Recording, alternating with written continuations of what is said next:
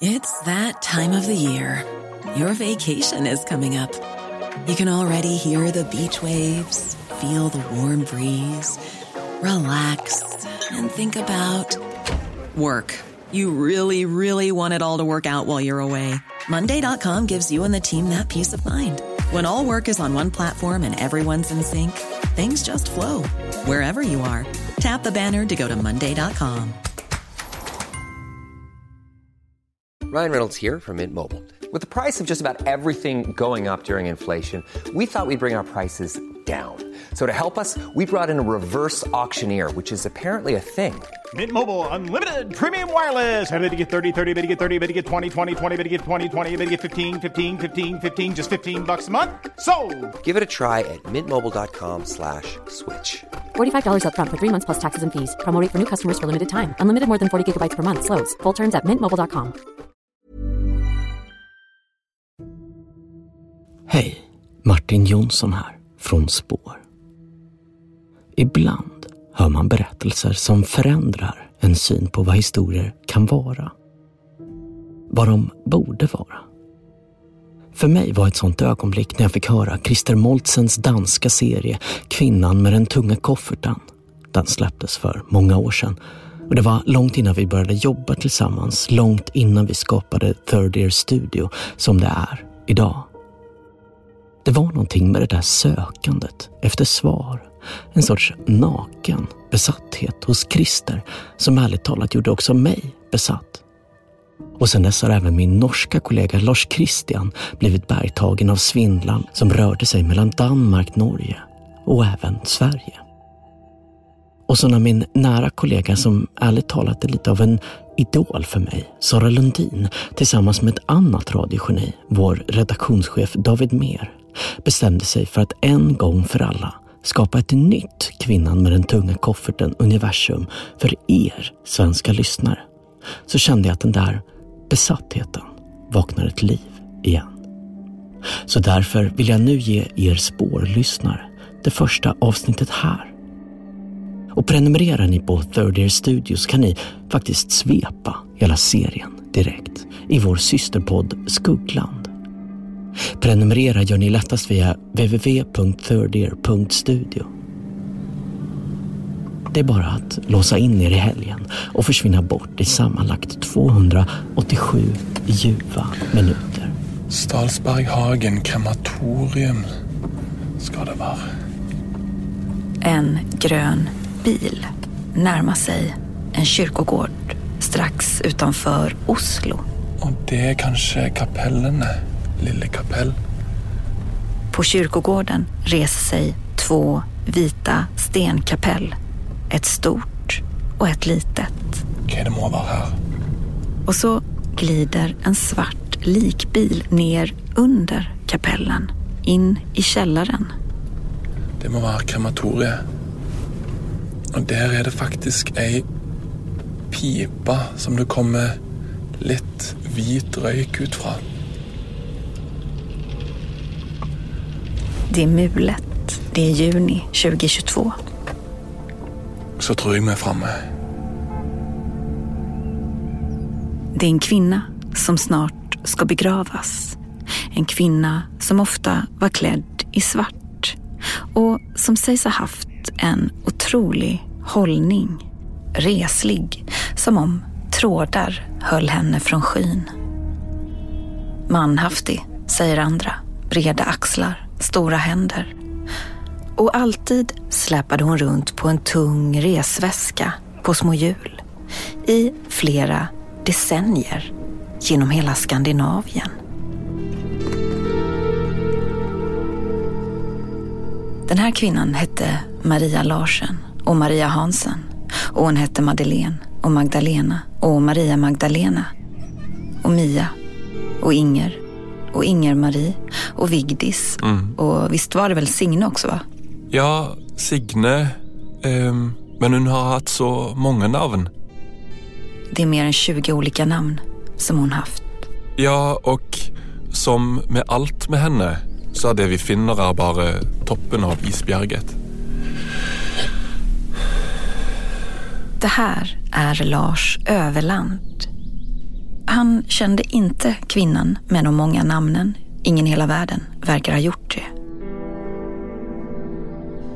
Men ändå så sitter han i den gröna bilen med kostym, nyklippt hår, nyputsade skor och ska gå på hennes begravning. Di, di, di. Han är inte helt bekväm. Okej.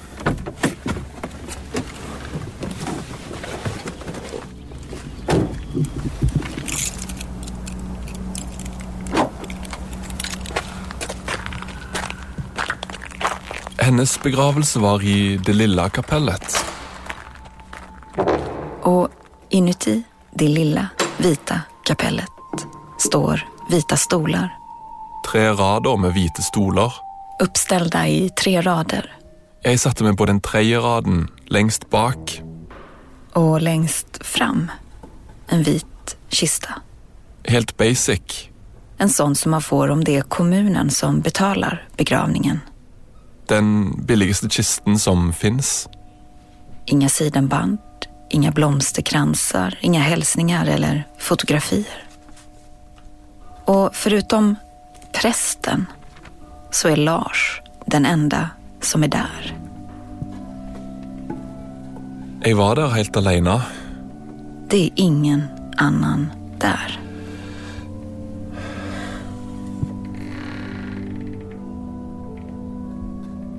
Det er en veldig konstig kjensle å sitte alene i en begravelse, i et kapell. Tomme stoler til venstre, tomme stoler til høyre. Og så den der jævla nakne kisten uten hilsninger på. Det, det skal ikke være så der. Men samtidig så forstår jeg jo hvorfor ingen annen var der. Det gjør jeg. Hun har jo faket sin egen død flere ganger før. Kvinnan med den tunga kofferten har dött förut. Mer enn ti ganger som vi vet om. Så det er ikke så konstig at ingen dyker opp.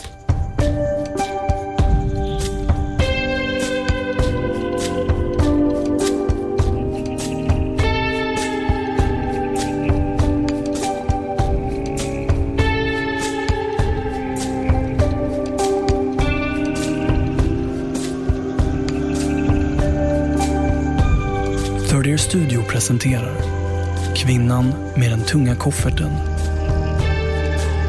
En serie i åtta delar baserad på en originalidé av Christer Moltsen. Programmet är gjort av Sara Lundin och David Mer.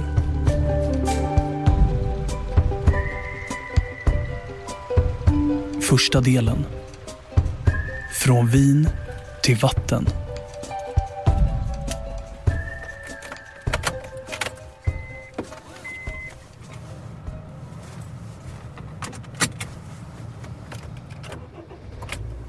Det börjar någonstans. Och den här historien börjar flera år innan det att Lars sitter ensam på en begravning. Den börjar långt bort från det norska vita kapellet. Men likväl i en religiös miljö.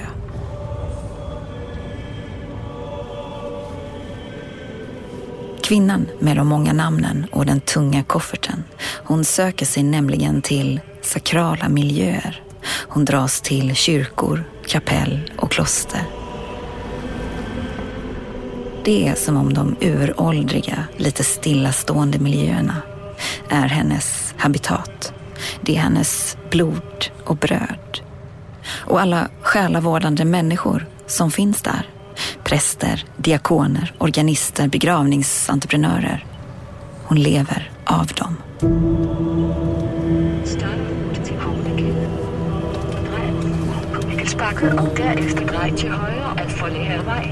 Så vi börjar där, rakt in i hennes biotop.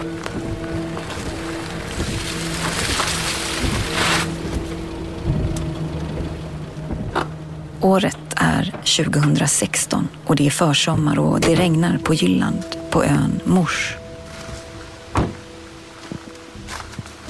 Och stegen här, De tillhör en kollega till mig, Christer Moltsen, dansk journalist. Well, it's been seven years now that I've been kind of obsessing about this one woman. Kvinnan som ockuperat Christers värld, det är hon med den tunga kofferten. It started, I mean, the first time I heard about her was in a bar. I met a friend and she told me a story that I just couldn't forget. Och han kommer att prata engelska för, eh, ja, han är dansk. And it was kind of a simple, small story. It was a story about a woman who showed up in a monastery in uh, the north of Jutland and then she told lies about herself and then she didn't pay the bill and ran off. And, you know, not on the surface a huge story, but I just kept coming back to it and I kept thinking, well, this can't have been the first time she, she, she did that. And I've been obsessed with her ever since.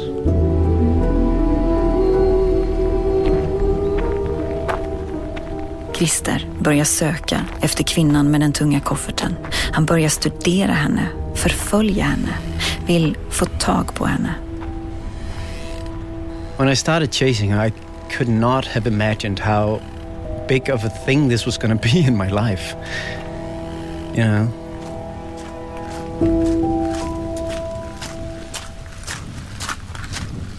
Men det vet inte Christer när han går här, på en ö, mot en röd tegelbyggnad som nu träder fram allt mer ur de ångande gråa regnmolnen framför honom. Det är den kristna fristaden Mikkelsbacke. Och här, här har kvinnan med den tunga kofferten varit. Bara några månader innan Christer. Nu spelar någon orgel där inne. Goddag. Goddag. Christer Molsen. Det är organisten Henrik Mörk Nilsen som öppnar. Tätt följd av en eh, golden retriever. Hej, Dina. Dina heter hon. Och så kommer hans hustru. Tack ska du ha. Kirsten Mörk Nilsen. Pensionerad präst. Tusind tak, fordi jeg måtte komme. Ja, selvfølgelig. Det var... Kom indenfor. Tak, tak skal Vil du du have have. te eller kaffe? Jeg kunne godt drikke en kop kaffe. Ja. Det er koldt derude. Det er blevet rock. Det er sådan, øh, øh, faktisk råkoldt nu. They look like a, a very nice, ordinary Danish couple. Um, old couple. Uh, Henrik has a huge smile, and Kirsten, she has these intelligent eyes. You have a feeling that she looks right through you. Här på ön Mors så driver det gamla paret den här kristna oasen Mikkelsbacke som har vidunderlig utsikt över fjorden som förbinder Kattegatt och Nordsjön. Sikke en udsigt, de har her. Oj. her bor I da godt nok skønt. Det gør Det må man godt nok sige. Åh ja. Förr så var det här huset ett äldreboende för människor med psykiska sjukdomar. Men efter det att kommunen lagt ner stället på 90-talet så köpte Henrik och Kirsten huset och de driver det sedan dess som ett klosterboende. Som en plats för rekreation, för samtal, bibelstudier och ikonmåleri.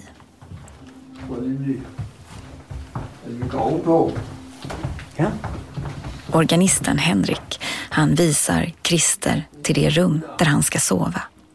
För tillfället så är han den enda gästen och i natt väntas årets värsta storm. Og det var her, du slæbte hendes meget tunge kuffert op.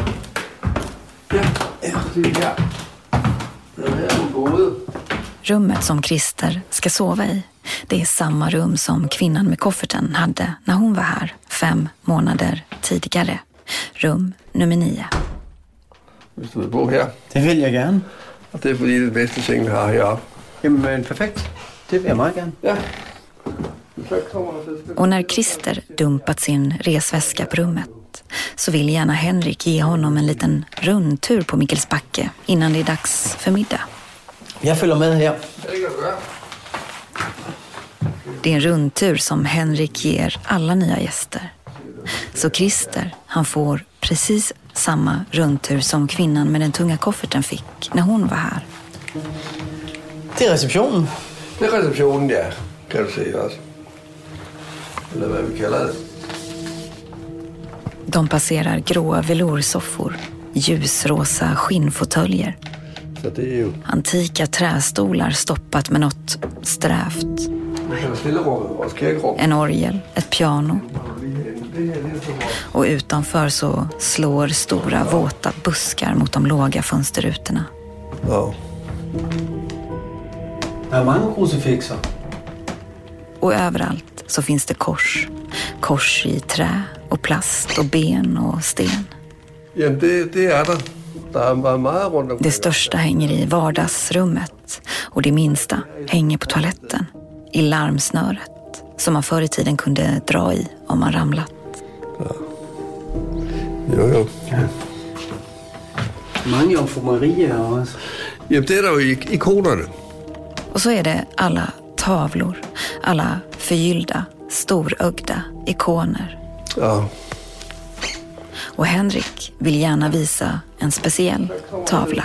Det, der så specielt her, Ja. der, her har vi jo Mikkels Backes stolthet, ingen tvekan om det. her har vi det der Kristusbillede. Ja, det så jeg på plakaten Ja.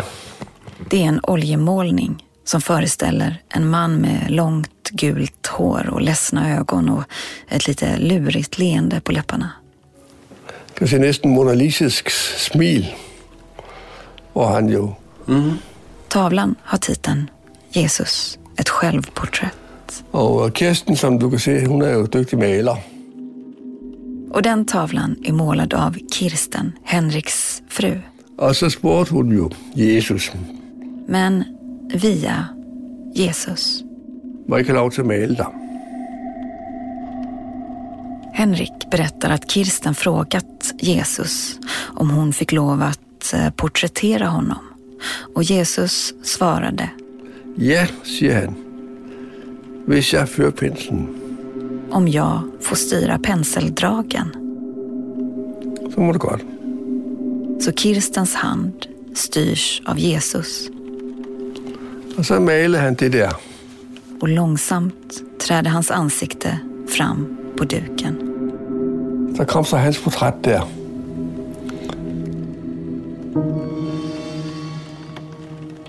Och den här kontakten, den här förbindelsen som Kirsten har med Jesus, den säger Henrik, den beror på att Kirsten en gång som ung har varit död i elva minuter.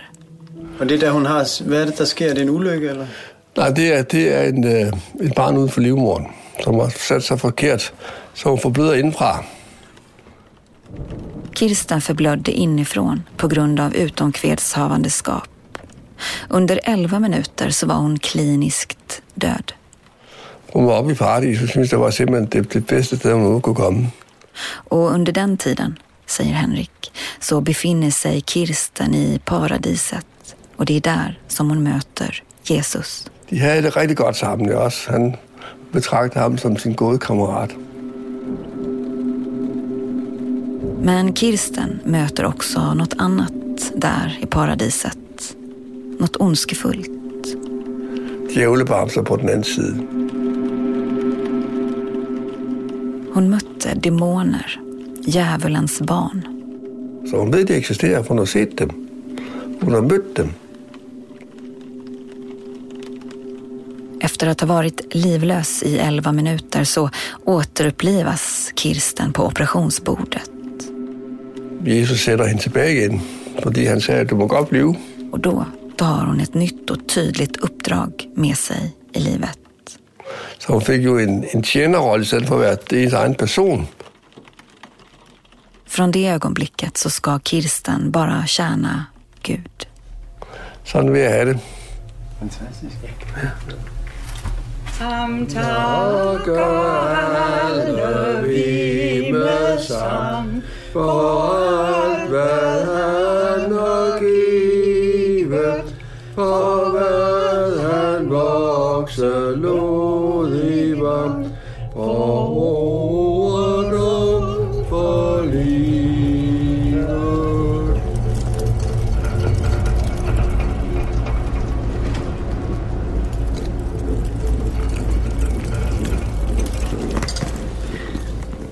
Hvornår er første gang, I hører fra hende her? Hvordan, hvordan, hvad foregår der? Hvordan, hvordan starter det? Med Maria. Det är en lördag, en eftermiddag den näst sista januari 2016 när telefonen ringer på Mikkelsbacke. Kirsten svarar. Maria ringer en dag. Det är en kvinna där i luren som presenterar sig som Maria Hansen. og øhm, fortæller, at hun har det ganske forfærdeligt. Men mer hinner inte Maria Hansen berätta, för hon måste plötsligt lägga på. Så siger hun, åh, jeg kan ikke tale nu. Så lægger hun telefonen, og Men Maria ringer snart tillbaka igen och ursäktar sig. Hon förklarar att hon är i nöd. Det är hennes man. Han är våldsam och hon måste genast bort från honom og øh, hun må altså væk fra ham nu. For ellers så går det helt galt. Og så sagde jeg, jamen så kom.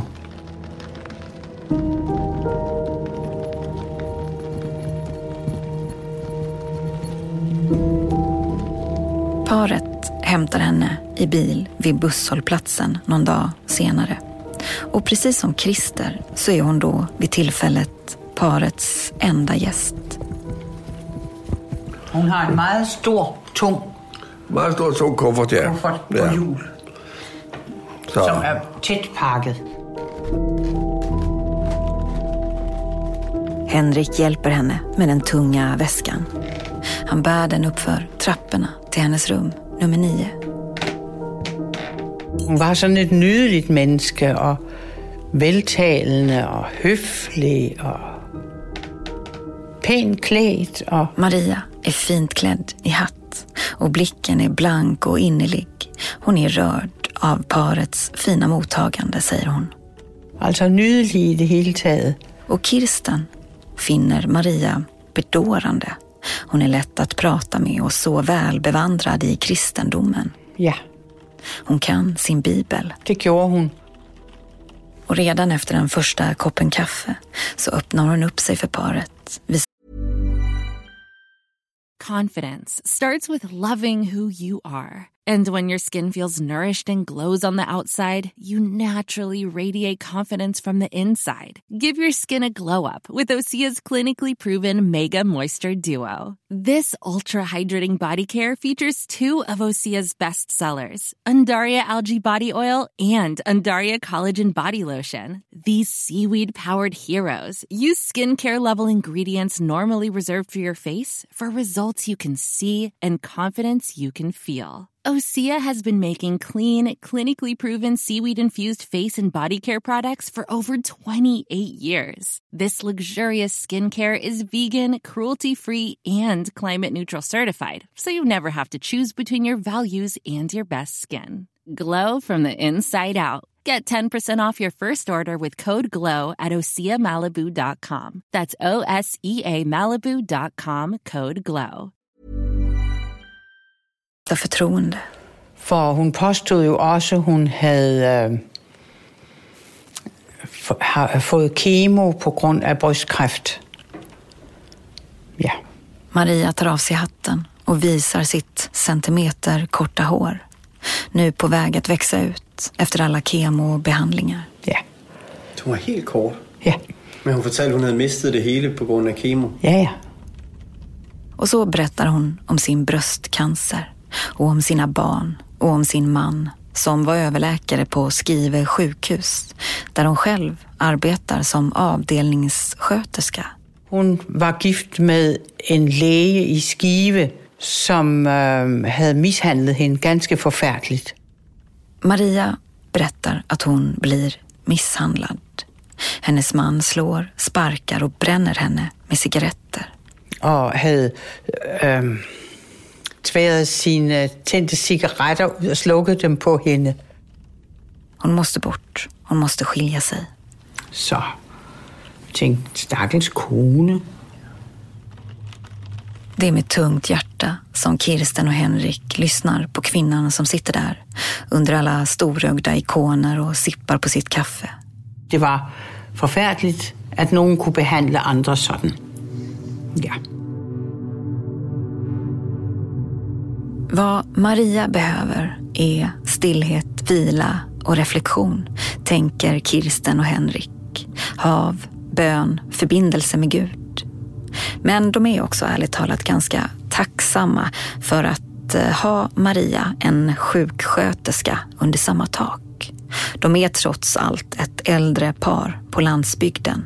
Och Kirsten, hon har precis kommit hem efter en tid på sjukhus där hon vårdats för leukemi.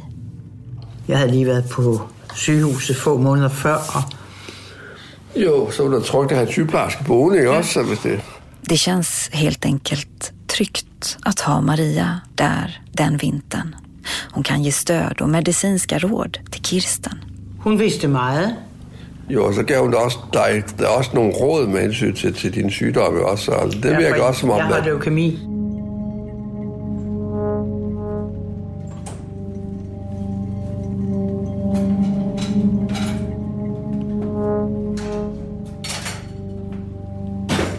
Well, after Henrik, he gave me a tour of the whole place, and then uh, Kirsten had prepared dinner for us.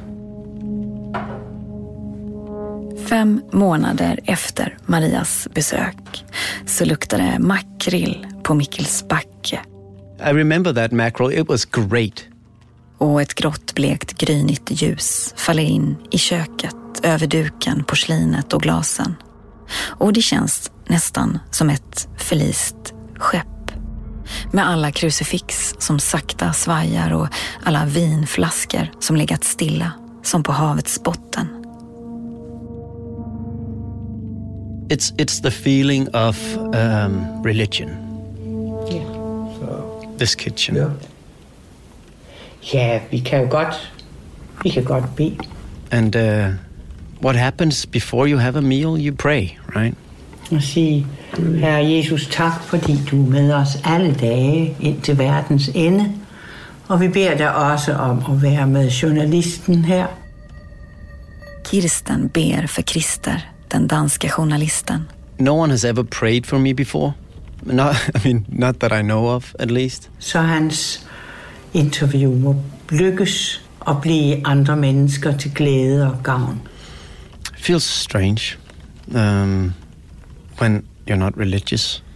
Vi lægger alle ting i din hånd. Amen. Så. Ja. Og så må du værsgo. Ja. Ja, værsgo. Så det hører med til vores dagligdag. Vi synger altid. Ja. Eller beder. Så vi siger tak for maden. There's something about this place. There's something about the atmosphere here that I can feel this this tension here. Efter middagen så ursäktar Kirsten sig. Hon går och vilar. Och Christer och Henrik sitter kvar vid köksbordet och det er är något med stämningen. But I don't know what it is until I talk to Henrik about it. Mm. Jo, jo. And he tells me this story about how they did the exorcism at Mikkelsbacke because they had a feeling that the place was possessed by evil spirits.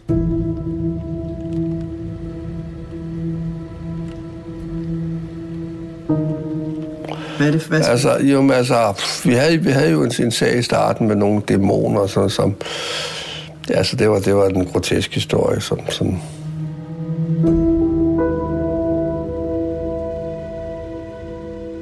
Det hela är en grotesk historia, säger Henrik. Och den började efter Kirstens 11 minuters möte med döden. Kirsten kom inte bara tillbaka till livet med uppdraget att tjäna Gud. Hennes sinnesvärld är dessutom vidgad, öppen och mottaglig. Det är som om hon återvände till livet med ett rikare medvetandeplan. Og der er jo ligesom mere mellem himmel og jorden, vi sådan måske umiddelbart fatter. Der er nogle ting, bliver, bliver hængende på en måde. Och det här huset, de här rummen, fortsätter Henrik. De har ju trots allt varit ett hem för människor med psykisk sjukdom som plågats av trauman, ångest, vanföreställningar. Och vissa platser här på Mikkelsbacke, de verkar ha laddats av den själanöden, säger Henrik. Det finns platser här som vår hund vägrar gå till. Ställen som är kallare än resten av huset. Og det, det som var vores bedste bevis, det var, at der var steder, hvor vores hund ikke ville være. For Kirsten and for Henrik, they had a feeling that this place was haunted. I think, I mean, that's the only word you can use for what they thought about it. It was, uh, you know, ghosts, evil spirits. Henrik och Kirsten vill försöka komma till bukt med de här onda krafterna. Så 2006 så bjöd de in en känd dansk tv-präst som utförde en sex timmar lång exorcism på Mikkelsbacke. Och efter att det inslaget sänds på tv så blossar det upp en demondebatt i media och flera präster på Jylland går i taket och kritiserar paret, speciellt Kirsten som då var verksam präst, för att blanda ihop psykisk ohälsa med demoner. Och prosten på ön, den som har makt över alla folkkyrkor på Jylland, ser inte med blida ögon på det här med exorcism. Det blev blæst upp till det hele stora. Och det har så också betydet, att, øh, att Kirsten ikke har lov til at prædike i kirken, ikke holde gudstjenester. Kritiken och den efterföljande debatten, den leder till att Kirsten förlorar sitt jobb som präst. This is Denmark, so you, you're not supposed to do exorcism in in uh, the Danish folkekirke or the Danish, you know, uh, Danish local church. Um, so she's kicked out. She, she's not allowed to be a priest anymore after this.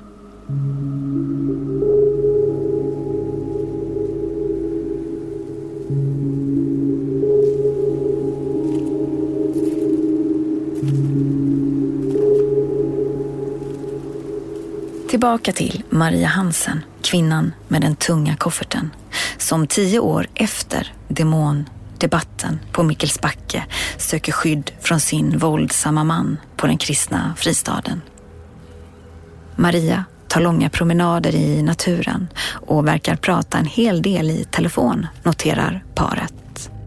De tar med henne på gudstjänster och Kirsten lagar god mat och efter en vecka så verkar Maria ha kommit lite mer på benen och fått nya krafter. Ja, hun virker jo sådan set glad og tilfreds ved at være Ja. her også. Det gjorde hun. Og maden er god. Og... Ja. Men hun arbejder på en skilsmisse, kan I fornemme. Så det var som om, at det var rigtig godt, at hun var kommet væk fra ham, når hun kunne være så rolig og Men det som verkligen ger Maria ny energi och ny tillförsikt, det är att hennes skilsmässa nu gått igenom. Tack vare en riktigt vass advokat, berättar hon. Ja. Men er hun glad for, at den skilsmisse går igennem? Ja, ja, lykkelig. Så ønskede vi hende til lykke, og så var det, hun syntes, at vi skulle have en flaske vin. Ja. Och nu, när Maria äntligen blivit fri, så vill hon fira och dricka vin. Ja, så så var det du, du sagde, at, at du med din leukemi, leukemi, der måtte du nok ikke drikke vin. Så sagde hun, jo, det kunne hun som sygeplejerske, det kunne du godt tåle. Henrik och Kirsten tvekar lite först. För dels så dricker paret sällan. Och sen är det det här med Kirstens leukemi. Hon kanske inte direkt ska dricka alkohol. Men Maria, i egenskap av sjuksköterska, säger att lite vin, det är väl ingen fara. Det kan hon gott tåla, ja faktiskt behöva. Så derfor så købte vi den der vin. Ja. det var da en, enkelt en, glas. en, en rigtig god vin, du købte. Ja, det var det, fordi den var nedsat til den halve pris. Så de köper en riktigt fin flaska vin. Ej, hvor smagte den godt. Ja, det gjorde den. Ja. Och middagen, den blir trevlig och vinet är lent och runt och gott. Men det blir kanske inte riktigt den fest som Maria hoppats på. De dricker nämligen bara ett glas var och kommer sen överens om att spara det dyra vinet till morgondagens middag. Och sen, sen går de och lägger sig.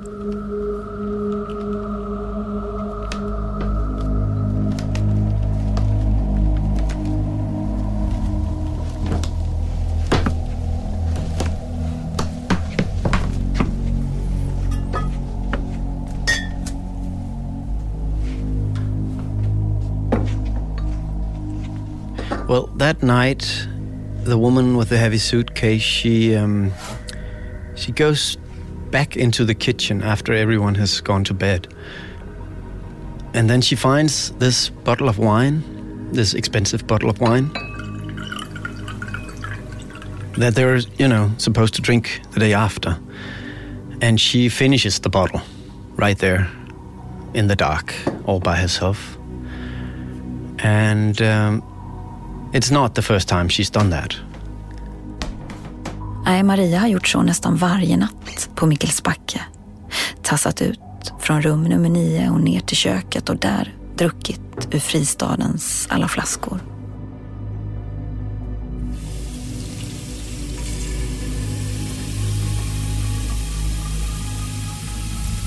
När det dyra vinet är uppdrucket så fyller Maria flaskan med vatten. Precis som hon har gjort med alla andra flaskor vin och sprit som hon druckit upp föregående nätter. Det är bara det att nu, nu inser Maria att hon snart kommer att bli avslöjad. För kvällen efter så är ju tanken att de gemensamt ska dela resten av vinet. Det som Maria nu har svept.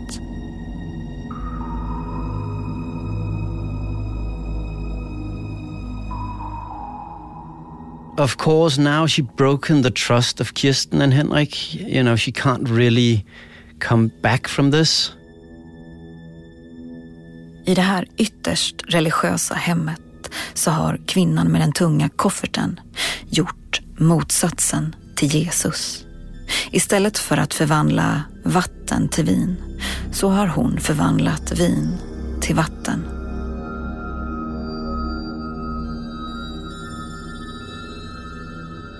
So after she finishes that bottle in the middle of the night, you know, she she kind of has to go, right?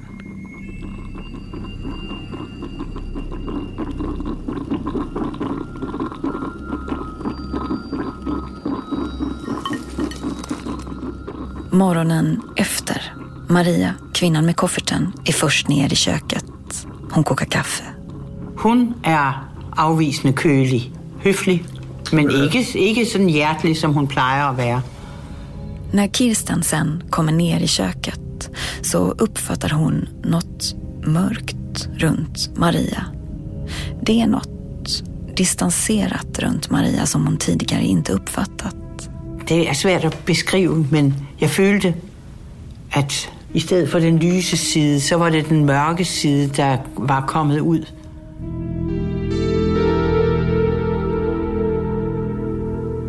Yeah, that darkness. What is that? Is that is that a bad, bad conscience, or is that, you know, she just finished the wine? She she turned she turned wine into water. She knows that this is gonna, you know, she's gonna be found found out at some point tonight.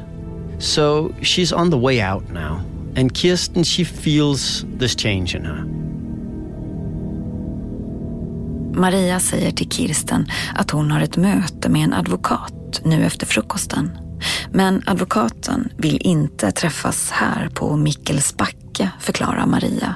Det är tydligen något med präster. Han var bange, eller imod præster, eller hvad var det for noget? Han kan ikke lide præster. Nej, men det har vi hørt før. Om nogen, der, der har præstefobi. Ja. Er det en ting? Ja, ja. Præstefobi? Ja. Så Marias advokat, som tydligen har prästfobi, ska hämta upp henne vid bykyrkans parkering en bit bort från Mikkelsbacke. Vi mødtes ude ved, ved kirken, som ligger lige ved siden af. Der er en parkeringsplads. Og hun kom med sin store kuffert. Personen som väntar på Maria intill sin bil på parkeringen heter Mette Måsgard Jörgensen. Och hon, hon är inte advokat. Jeg er provst i Morsø Provsti og sovnepræst i Nykøbing Kirke. Hon är prost, chef över alla folkkyrkor på ön. Så der hentede jeg hende og hilste på en nydelig dame. Gråhåret, hat, klokkehat. Prosten Mette ser Maria svartklädd i hatt komma mot henne dragandes på sin tunga väska. Så havde hun øh, det ene hånd i, i forbinding. Med ena armen inlindad i ett jättestort bandage. Så hun gav mig sådan omvendt, øh, gav mig den forkerte hånd, da hun skulle hilse. Mette tar Marias tunga väska. Ja, det var meget tung. Lägger den i bakluckan och hjälper så Maria att spänna fast sig i framsätet. Øh, og så hjalp jeg hende jo med at lægge kufferten op i, øh, i øh, bagagerummet, og hjalp hende med at spænde hende fast i sikkerhedsselen, for det kunne hun heller ikke selv. Prosten Mette har kört hit till Mikkelsbacke snabbt för hon vill verkligen hjälpa Maria härifrån. För Mette vet precis vad den kristna fristaden är för slags ställe. Det var nämligen hon som förbjöd Kirsten att utöva sin roll som präst efter det att man bedrivit exorcism. Något som Maria, kvinnan med kofferten, vet om. Well, Maria, she has one huge talent, which is to sniff out conflict, right? She's very good at seeing where where there's a conflict. And in this case, there's a conflict between Mikkel Sparke, Kirsten, and Henrik, and about the, the church in the in the local area. And that conflict, she knows all about that. You know, that's what they've been talking about over dinner. That's what she's been feeling, you know, she's, she's been asking about. So that conflict, she can use that. She can suck that up almost like a vampire and then use it to put a bad light on Kirsten and Henrik, to make conflict between Kirsten and Henrik and the local church, to get an escape plan going, and also to, to kind of create this chaos. Kvinnan med kofferten, hon frodas i kaos och konflikter. Det är en del av hennes strategi. Hon spelar schack med allt hon sett och hört på Mikkelsbacke. She has been cultivating a way out for days. Och innan Kirsten och Henrik hunnit inse vad som hänt, att Maria druckit om ur huset och dratt från en veckas helpension, ja, då är hon redan långt borta. I en varm, trygg bil med öns prost som hon ringt någon dag tidigare. Jamen, hun fortæller ganske enkelt, at hun synes, hun bliver nærmest misbrugt øh, som svagelig. Altså, at hun øh, er kommet der for at slappe af og komme til kræfter, og så bliver hun sat i arbejde, at hun skal hjælpe til for at bo derude, øh, lave morgenmad eller lave, hjælpe til ved middagene. Og... Och till prosten så säger kvinnan med kofferten att hon sökte sig till fristaden för att få lugn och ro, konvalescens efter sin bröstcancer. Men istället så sattes hon i arbete av det gamla religiösa paret. De tvingade henne att städa, sopa, skura, laga frukost, lunch och middag. Og det, som hun er mest oprørt over der, det er, at hun er faldet over den her hund og er kommet til skade med sin arm. Och till råga på allt så snubblade Maria över deras stora hund och bröt armen. Og alt det fortæller hun mig. Så gjorde det, at jeg fik sympati for hende. Mette känner medkänsla, men hon blir inte förvånad över det som Maria berättar. Det understryker egentligen bara det som prosten redan vet. Att Mikkelsbacke är en problematisk plats. Det overraskede mig ikke. Och det är därför som Mette erbjuder Maria skjuts därifrån. Of course, without knowing it herself, the priest, she doesn't know that she's helping her escape from the from the bill. She just thinks she's helping her to to get away from this um, tough situation that she's in. Och ett, tu, tre så har kvinnan med den tunga koffertens plan gått i lås.